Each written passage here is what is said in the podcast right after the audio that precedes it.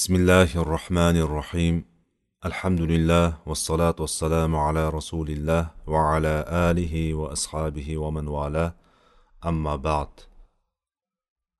عامر ibn abdulloh at tamimiy rahimaulloh alqama ibn marset shunday deydi zuhd sakkiz kishida tamomiga yetgan ularning peshqadami omir ibn abdulloh at tamimiydir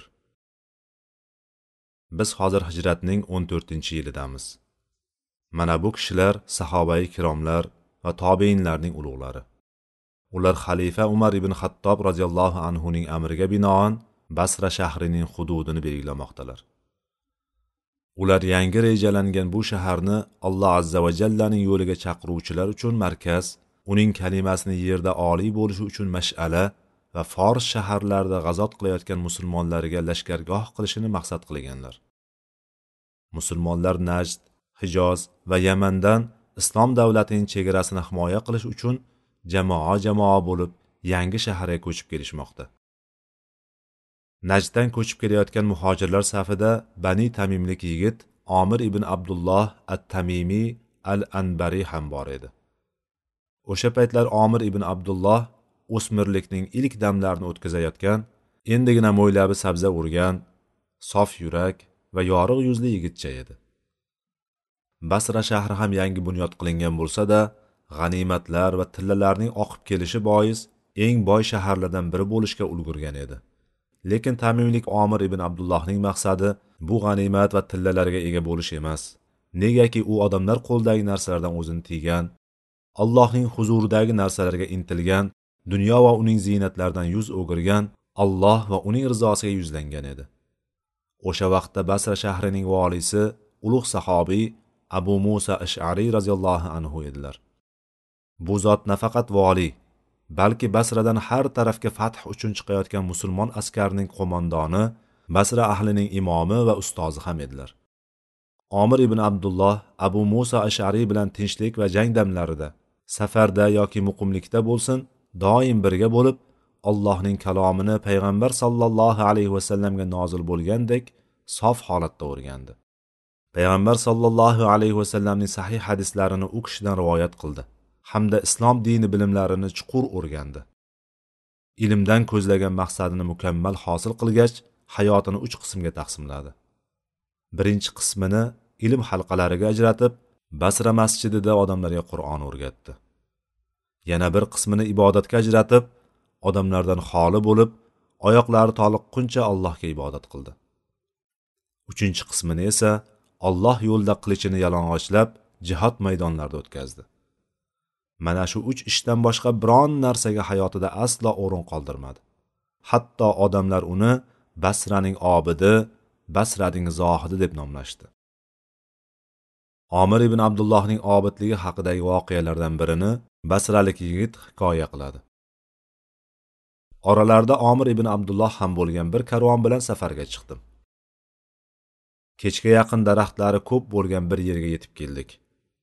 Omir narsalarini joylab otining arqonini uzun qilib bir daraxtga bog'ladi va yetarlicha o't o'lan hashaklardan yig'ib otining oldiga tashladi so'ng daraxtzor ichiga kirib ketdi.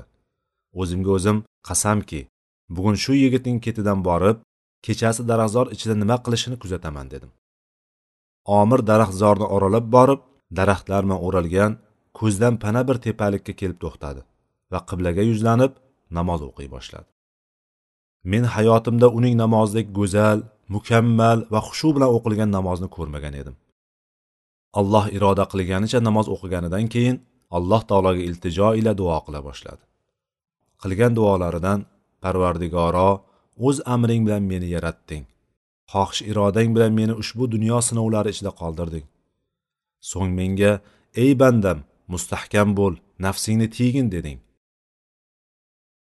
Sen o'z lutfing ila meni mustahkam qilmasang meni tiymasang qanday qilib men bandai ojiz mustahkam bo'layin ey qudratli zot? Parvardigorim sen o'zing bilasan. Agar dunyo va undagi bor narsa meniki bo'lsayu so'ng sening roziliging uchun mendan uni so'ralsa talabgoriga uni shunday berib yuboraman. Bas sen ham nafsimni o'zimga hadya qilib ber ey rahimli va mehribon zot.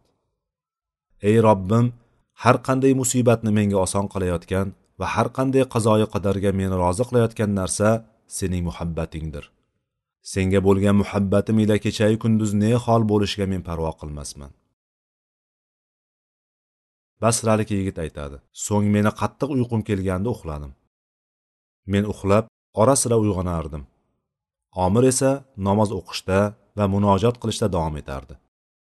Bomdod namozining vaqti kirgach omir bomdod namozini o'qidi va duoga yuzlandi. Ey olloh mana tong ham bo'ldi. Odamlar sening fazli marhamatingni istab harakatga tushadilar. Har birlarining o'ziga yarasha ehtiyoji bor. Omirning sendagi hojati esa uning gunohini kechirishingdir ey alloh mening va odamlarning ehtiyojini o'zing qondir. Ey karamli zot ey alloh men sendan uch narsa so'ragan edim. Ikkitasini berding uchinchisini esa bermading.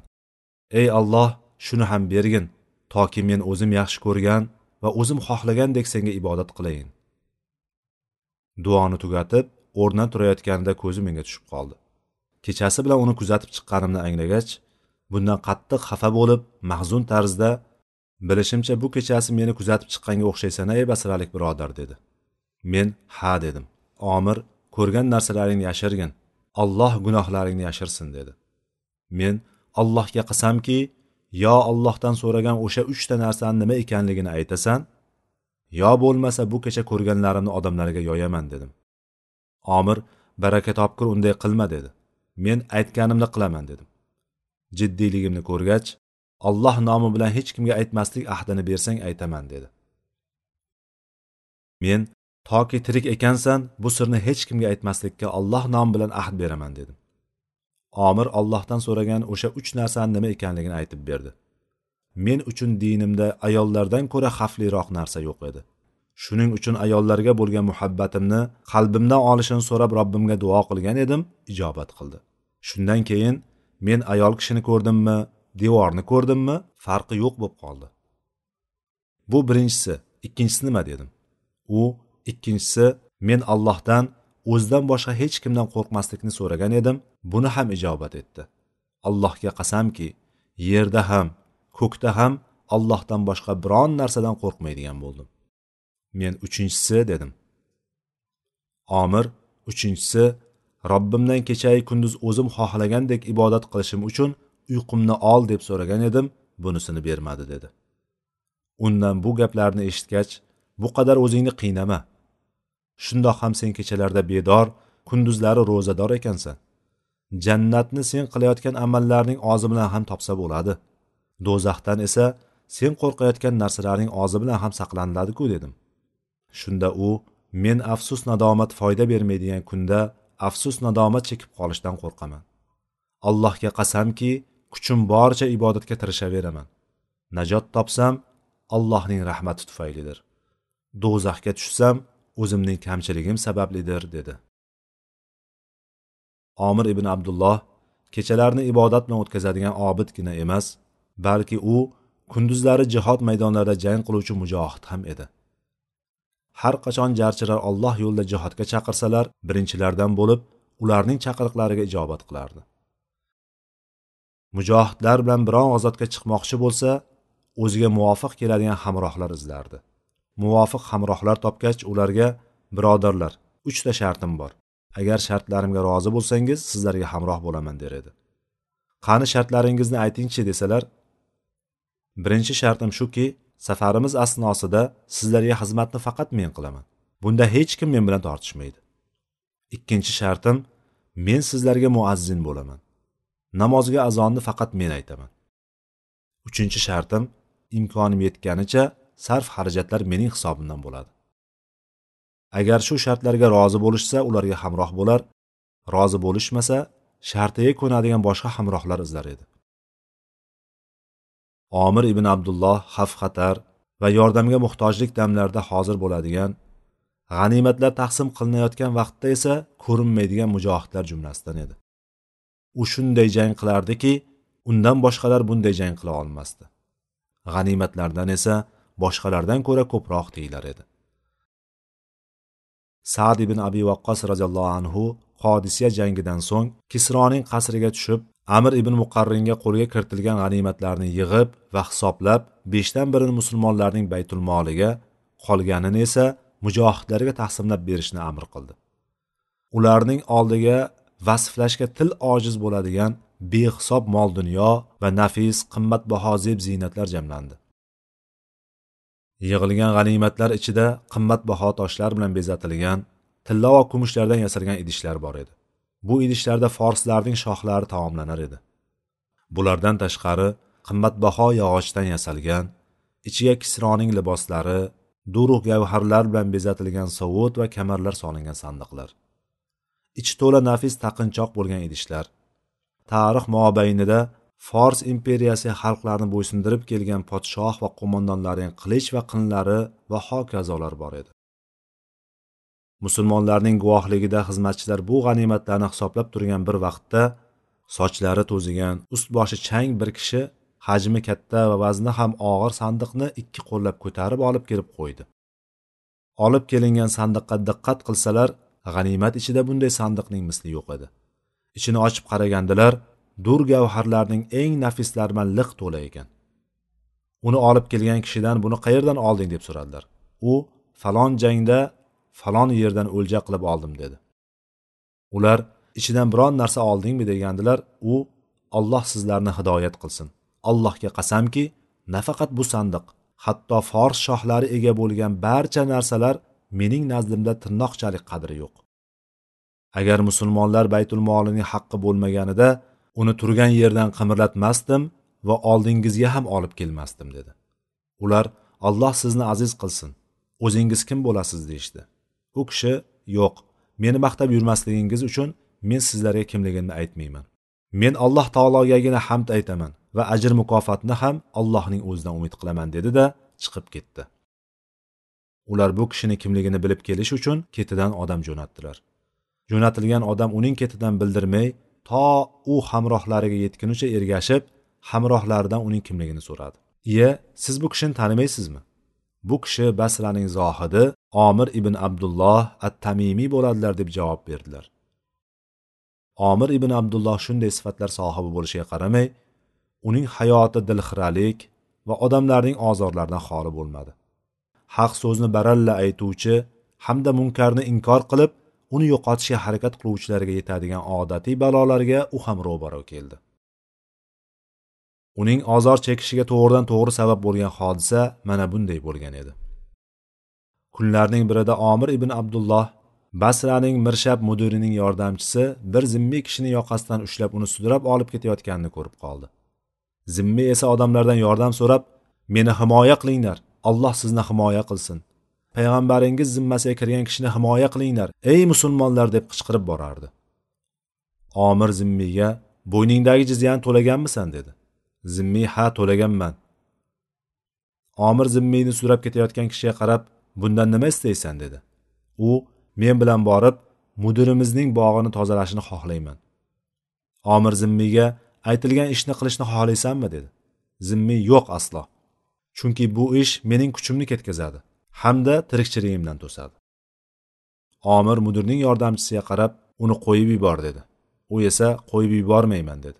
Shunda omir choponini zimmiyning ustiga yopib allohga qasamki men tirik ekanman muhammad sollallohu alayhi vasallamning ahdlari buzilmaydi deb qattiq turib oldi. Bir zumda odamlar yig'ilib omirga yordam berishdi va zimmiyni mudir yordamchisining zulmidan xalos etishdi.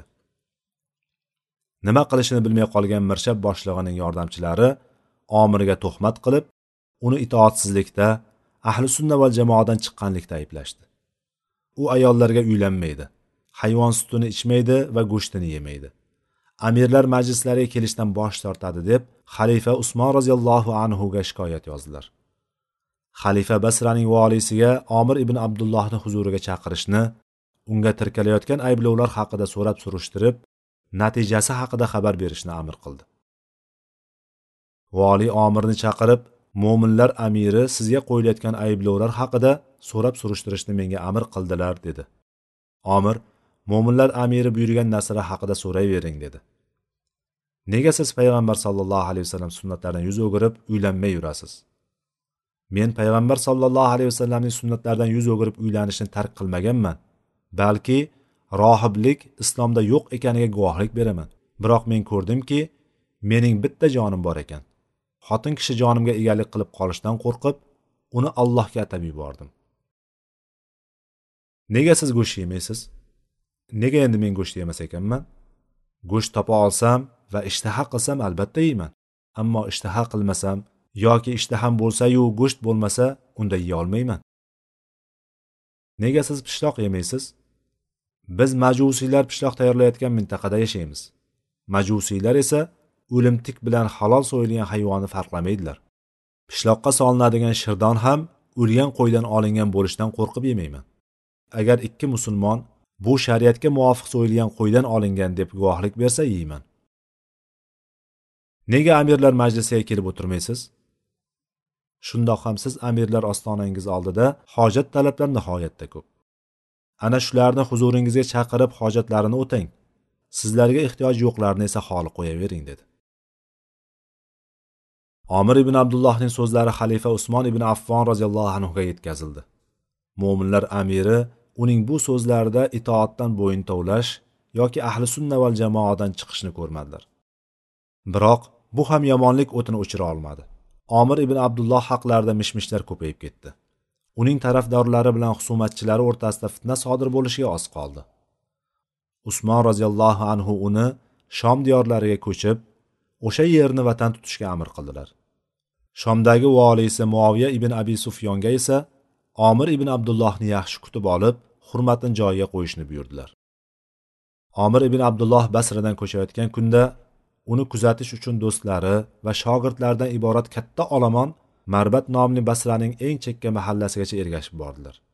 Shu yerda omir ibn abdulloh ularga qarab men duo qilaman sizlar omin deb turinglar dedi. Odamlar uni ko'rish uchun bo'yinlarini cho'zdilar. Harakatlar sukunatga aylandi. Ko'zlar esa unga qadaldi. Omir ikki qo'lini ko'tarib ey olloh menga yolg'on to'qib men haqimda mish mish tarqatib meni shahrimdan chiqargan va birodarlarimdan ayirganlarni kechirdim. Sen ham ularni kechirgin. Dinu dunyosida ofiyat bergin. Meni ham ularni ham va boshqa musulmonlarni ham gunohu kamchiliklarini o'z rahmating mag'firating va lutfing bilan yashirgin. Ey rahmli va mehribon zot! deb duo qildi va ulovini shom tarafga burib yo'lga tushdi. Omir ibn abdulloh qolgan hayotini shom diyorlarida o'tkazdi. Baytul maqdisni o'ziga vatan tutdi. Shomning amiri muoviya ibn abi sufyon tarafidan o'ziga loyiq tarzda e'tibor hurmat va izzat ikrom ko'rdi.